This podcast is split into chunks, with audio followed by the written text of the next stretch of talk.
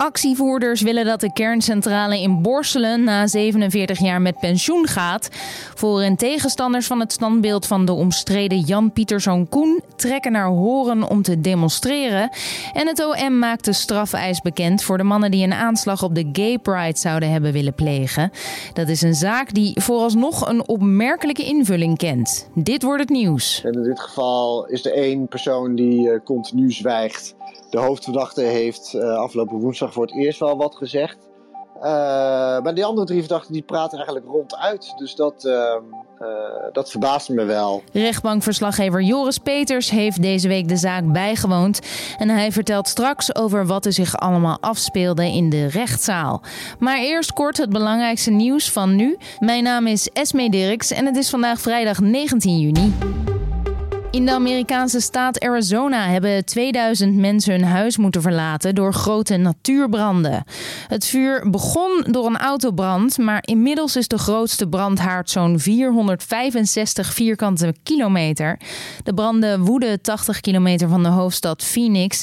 En door hoge temperaturen van meer dan 40 graden, een lage luchtvochtigheid en ook nog eens harde wind heeft de brandweer grote moeite om het vuur onder controle te krijgen. Op andere plekken in de Verenigde Verenigde Staten is ook een verhoogde paraatheid voor bosbranden. Op meerdere plekken in ons land hebben donderdagavond ook grote branden gewoed. Zowel in Helmond en het Drentse Rode ontvingen inwoners een NL-alert vanwege rookontwikkeling. In de Brabantse plaats ontstond het vuur in een bedrijf waar producten als olie, suiker en kruiden lagen opgeslagen. En in Rode ging het om een brand bij een fietsen speciaalzaak.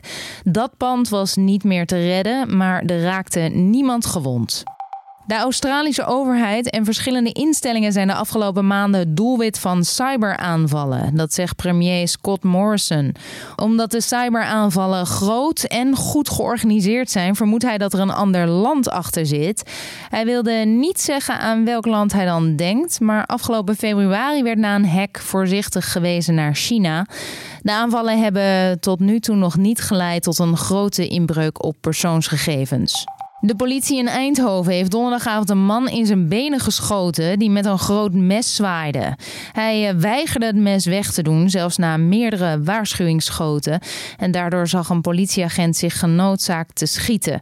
Daarna is meteen eerste hulp aan de man verleend en hij is overgebracht naar het ziekenhuis. Hoe het met hem gaat is niet bekend. En de Rijksrecherche heeft een onderzoek ingesteld naar het incident, wat uh, altijd gebeurt als een agent zijn wapen gebruikt.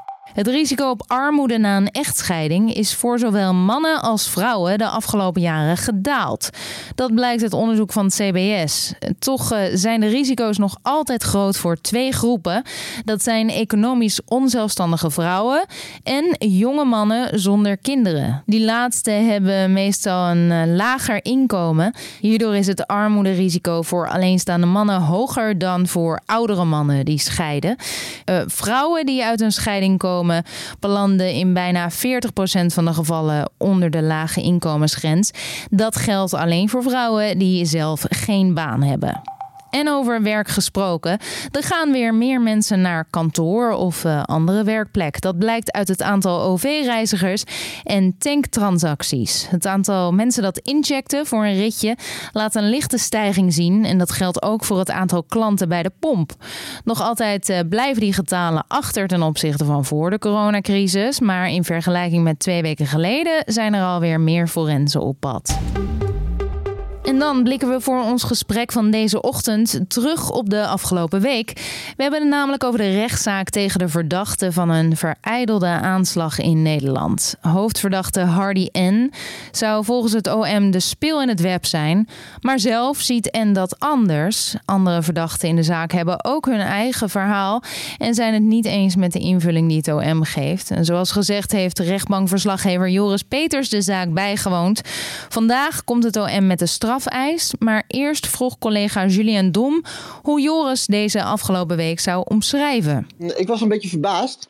Dat komt omdat meestal in, um, in, terrorismezaken uh, zwijgen de verdachten eigenlijk. En in dit geval is er één persoon die uh, continu zwijgt. De hoofdverdachte heeft uh, afgelopen woensdag voor het eerst wel wat gezegd. Maar die andere drie verdachten die praten eigenlijk ronduit. Dus dat, uh, dat verbaasde me wel. En ze hebben opvallende verklaringen wat dat betreft voor hun ja, laten we even naar die hoofdverdachte gaan. Hè. Dan praten we over Hardy N. Die ontkent dus niet echt, maar hij zegt wel dat hij eigenlijk ja, hij is ingeluisterd door de infiltrant. Uh, ja. opmerkelijk statement. Ja, weet je wat het is? Kijk, hij, hij, kan ook moeilijk ontkennen dat hij bezig was met plannen voor een aanslag. Of hij had natuurlijk moeten zeggen dat het allemaal een grap was. Maar hij staat er nogal. Hè? Er is een video waarop hij te zien is. Uh, hij heeft gesprekken gevoerd met een, uh, met een politie-infiltrant. waarin hij duidelijk maakt dat hij plannen heeft. Uh, maar wat hij zegt, ik zeg, ik ben eigenlijk al rond 2016 ben ik benaderd. Waarvan ik denk dat het een AIVD-agent is die eigenlijk mij langzaamaan heeft gevoed. Uh, met bepaalde ideeën. wat uiteindelijk heeft geresulteerd in mijn plannen voor een aanslag. Maar ik ben daartoe aangezet. En dat mag niet volgens de wet. Als jij naar hem keek hè, toen hij dat vertelde, zag jij, ja, leek hij aangeslagen, leek hij oprecht?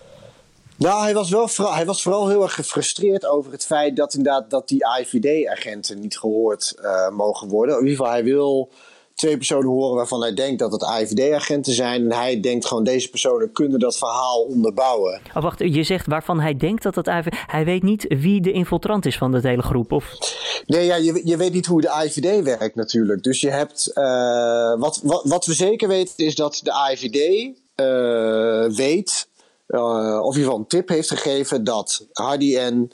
Uh, van plan was om een aanslag te plegen. En dat hij een groep mensen om zich heen verzamelde met wie hij dat zou willen doen. Die tip is gegeven aan de politie. Ja. Maar wat daar af is gegaan, hoe de IVD dat voor elkaar heeft gekregen, dat weet je niet. Dat is geheim. Het zijn de geheime diensten, daar kom je eigenlijk nooit achter. Um, en hij zegt in dat traject, ik ben benaderd door bepaalde personen. En ik denk dat dat AIVD-agenten zijn, want die hebben gewoon helemaal geleid tot het contact met, waarvan we wel weten, een politieinfiltrant. Dus dat kan bijna niet anders. En ik wil die personen eigenlijk horen, want zij moeten dan toegeven dat zij gewoon verantwoordelijk zijn voor dit hele idee, mij daar in ieder geval toe hebben aangezet. Ja, dat lijkt me wel uh, inderdaad het, het, allemaal iets moeilijker maken. Want uh, hij weet het niet zeker. Wij als journalisten weten het dus niet zeker. Weet de rechtbank wel meer als het om uh, belangrijke informatie gaat? Nou ja, kijk, die verzoeken zijn al eerder geweest. en tot nu toe heeft de rechtbank dat afgewezen, omdat daar gewoon te weinig aanleiding is voor is geweest om de AVD daadwerkelijk te horen. Dus dan te weinig aanwijzingen dat die daadwerkelijk is uitgelokt. Uh, nou, vlak voor de, tijdens de aanvang van dit proces zijn er wel een paar e-mails opgedoken waaruit je zou kunnen afleiden dat, dat die misschien is uitgelokt. In ieder geval, zijn advocaat vindt dat zeker zo. Het Openbaar Ministerie vindt dat van niet. En de rechter heeft eigenlijk de beslissing toen uitgesteld. Ze zeggen: oké, we, we houden het in overweging om inderdaad alsnog misschien iemand van de AIVD te horen. Maar we nemen daar op dit moment nog geen beslissing over. En los daarvan, is, is het eigenlijk bekend tot hoever een infiltrant mag gaan? Uh, tot hoever die mag pushen? Nou ja, je, uh, nou, dat is wel, kijk, je mag iemand niet aanzetten. Je, bedoel, je hebt uh, bijvoorbeeld je hebt ook uh, lokagenten, dat soort dingen. Ja, lokfietsen in Amsterdam bijvoorbeeld, die we wel kennen van de verhalen. Ja. Ja, precies. Dat, dat, kan dan, dat kan dan wel. Maar dan, je mag het niet te veel in scène zetten dat iemand wordt, eigenlijk wordt aangezet of gedwongen wordt tot uh, of overgaat tot een plegen van een misdrijf. Uh, dan ben je, zeker niet als justitie zijn, dan ben je eigenlijk gewoon iemand aan het uitlokken. Je bent een situatie aan het creëren waar iemand een misdrijf pleegt en dan zeg je, hoppa, nu heb je te pakken, kijk maar, want je hebt het gedaan. Dat mag niet. Nee, maar het is natuurlijk een grijs gebied tussen waar het uh, zit van dat mag niet en waar het zit van, uh, nou, dit kan nog net wel, want het is een heel groot, uh, ja, groot vergrijp wat plaats had kunnen vinden. Ja, zeker. En vooral omdat we er geen zicht op hebben. Hè? We hebben geen zicht op dat voortraject. Dat hebben we wel op wat die uh, politie-infiltrant heeft gedaan. In ieder geval, dat staat allemaal in het dossier. Dat heeft de rechtbank ook gelezen en, uh, en de verdediging ook. En de uitlokking spitst zich toch echt wel toe op het voortraject, waarvan we niet precies weten wat er allemaal is gebeurd. In hoeverre wordt er eigenlijk gekeken naar emotie, uh, in dit geval de emotie van de verdachte, los van de feiten die op tafel liggen? Heb je dan uh, over de rechtbank, of de rechtbank daar naar kijkt? Ja, of de rechtbank, uh, als zij uiteindelijk, uh, want nou, vandaag komt dus de strafeis, daar praten we zo meteen ja. even verder over, maar de rechtbank die doet een uitspraak. hoe kijken zij naar hoe zo'n verdachte omgaat met wat er hem ten laste wordt gelegd? Ja, dat, um, nou in principe, het zou kunnen meewegen, maar het mag natuurlijk niet. Kijk, je kijkt naar de feiten en je zou overtuigd kunnen raken van een verhaal door iemands emotie. Maar je kijkt toch vooral naar de verklaringen en de bewijzen die er zijn. dus je kijkt naar het verhaal en dan bijvoorbeeld als Hardy uh, en heel veel vragen worden gesteld, maar hij zegt erop: Ik zwijg, ik beroep me op mijn zwijgen, dat mag dat wel. Maar dat, dat kan heel goed negatief in je, dat kan in je nadeel worden uitgelegd. Hè? De rechtbank zegt: Je hebt geen verklaring willen geven voor bepaalde feiten, dus dan moeten wij uitgaan van wat het Openbaar Ministerie ons presenteert. Ja. Um, dus in die zin, ja, kijk, je, je hebt sommige mensen die zijn hartstikke schuldig. En die kunnen een enorm emotioneel verhaal ophangen. Dus wat dat betreft kun je daar niet, uh, kun je daar niet op afgaan. Nee, precies. En ja, als we het hebben over verhalen, dan ga ik even naar een andere verdachte uit deze zaak. Die had het over zijn voorliefde voor wapens. En hij zei dan ook enkel een vuurwapen te willen kopen om zijn gezin te beschermen. Um, dan wil ik van jou kijken, toen deze persoon dat zei, naar wie keek je? Keek je naar de rechters? Keek je naar het OM? Keek je naar die persoon? Wie, zijn uitdrukking viel op? Nee, dan, het, uh, zijn uitdrukking viel op. Maar het komt ook wel omdat hij behoorlijk hard. Uh, en hij had de microfoon voor zich staan, maar die had bijna niet nodig. Zo hard was hij te horen in de rechtszaal. Um, en dus wat dat betreft kwam hij zeer overtuigend over. Maar dan, dan nog kijk je wel naar de feiten. En de feiten zoals die nu zijn gepresenteerd, is dat die in voorafgaand. Uh, hè, we, we, we, spitsen ons toe op die ene aanhouding uh, in Weert. Hè, de 27 september, zeg ik, zeg, zeg ik even snel uit mijn hoofd. 2018 uh, zijn ze aangehouden nadat ze in een vakantiehuisje in Weert uh, wapens hebben uh, uitgetest. Ja, de beelden waar je het net al over had, inderdaad. Die Precies, ook op ja, nu.nl staan. Ja, ja, ja die uh, gekeken hoe, die, hoe dat allemaal werkt. En hij, deze man die die verklaring aflegt, die kust daarbij ook zijn Kalashnikov. En ze zijn oprecht blij, in ieder geval zo lijken ze eruit te zien. En hij zegt zo, ja, het ziet er inderdaad verschrikkelijk radicaal uit, maar ik wilde gewoon een wapen. En dan gaan ze wel kijken van, oké, okay, maar, maar, dit is wel een behoorlijk rare manier, of een nogal omslachtige manier om aan een wapen te komen. Hè? Dat je zo lang meegaat in een, uh, in een plan van een aanslag willen plegen, terwijl je alleen maar een wapen wil, zou ik maar zeggen. En hij zegt, ja, ik deed gewoon mee om vertrouwen te winnen. Uh, maar dan gaan ze ook kijken, zeggen ze, oké, maar je hebt wel gesprek gehad uh, met je omgeving over het sterven en zo, hè? Precies, wat te doen precies. na jouw dood. Dus ja, dan kan een verklaring nog wel heel overtuigend zijn, maar dan kijken ze ook naar andere verhalen. En dat zijn bijvoorbeeld afgeluisterde gesprekken waarin jij, hè, waar er vanuit wordt gegaan dat jij de waarheid spreekt. Ja, als je dan hebt over de dood, over het bereiken van het paradijs, over. Ja, dan, dan, dan komt zo'n verklaring wel in een ander licht te staan. Wat je zegt, het gaat veel over vertrouwen. En ja, als er dan twee of drie verklaringen tegenover eentje staan, die toevallig pas nadat die werd gepakt. Uh, komt ja, dan kom je er niet goed af. Nee, je kan niet uh, afgaan op de overtuiging van een verhaal. Want iemand kan ook heel onschuldig zijn en, en niet uit zijn woorden komen. Uh, en, en de tegenovergesteld. Dus je kijkt echt naar wat er allemaal in het dossier zit. En dat, daarvan, uh, daarvan maakt de, op basis daarvan beslicht de rechtbank uiteindelijk of je schuldig bent. Nou, vandaag dan die strafeis. En uh, ja, Joris, wat ik me dan daarbij vooral afvraag is of zo'n strafeis eigenlijk al vooraf vaststaat en uh, brengt het OM dat gewoon nog niet naar buiten? Of hangt dat dus af eigenlijk van wat de verdachte in aanloop naar dit moment vertellen? Dus heeft deze afgelopen week nog invloed kunnen hebben op de strafeis die het OM vandaag naar buiten brengt? Dat, uh, dat kan zeker. Uh, wat bijvoorbeeld vaak meespeelt in een strafeis is of de verdachte openheid van zaken heeft gegeven. In dit geval van de Hardy N heeft hij, nou, die heeft al wat gezegd, maar die heeft grotendeels gezwegen. Een andere verdachte ook. En het Openbaar Ministerie kan je dat dan wel uh, zwaarder aanrekenen in de strafeis bijvoorbeeld. Nou, dat, dat zal bijvoorbeeld sneller gebeuren als er daadwerkelijk sprake is van een slachtoffer. Hè? Dat je de nabestaanden daarvan geen uitleg hebt gegeven over uh, wat er daadwerkelijk is gebeurd. Dat kan strafverzwarend werken. Dus dat kan ook nog in de laatste uh, week gebeuren, zeker. Ik heb wel eens meegemaakt dat ik uh, bij een rechtszaak zat... Dat, dat de verklaring was afgelegd van de verdachte... en dat de officier van justitie in de pauze besloot om de strafeis te verhogen... omdat hij de verklaring van de verdachte zo onthutsend vond... Um, dat hij alsnog een hogere straf heeft geëist. Nou, dan kunnen we er in ieder geval, in ieder geval van uitgaan dat er niets uitlekt voorafgaande dat het uh, Openbaar Ministerie die woorden uitspreekt.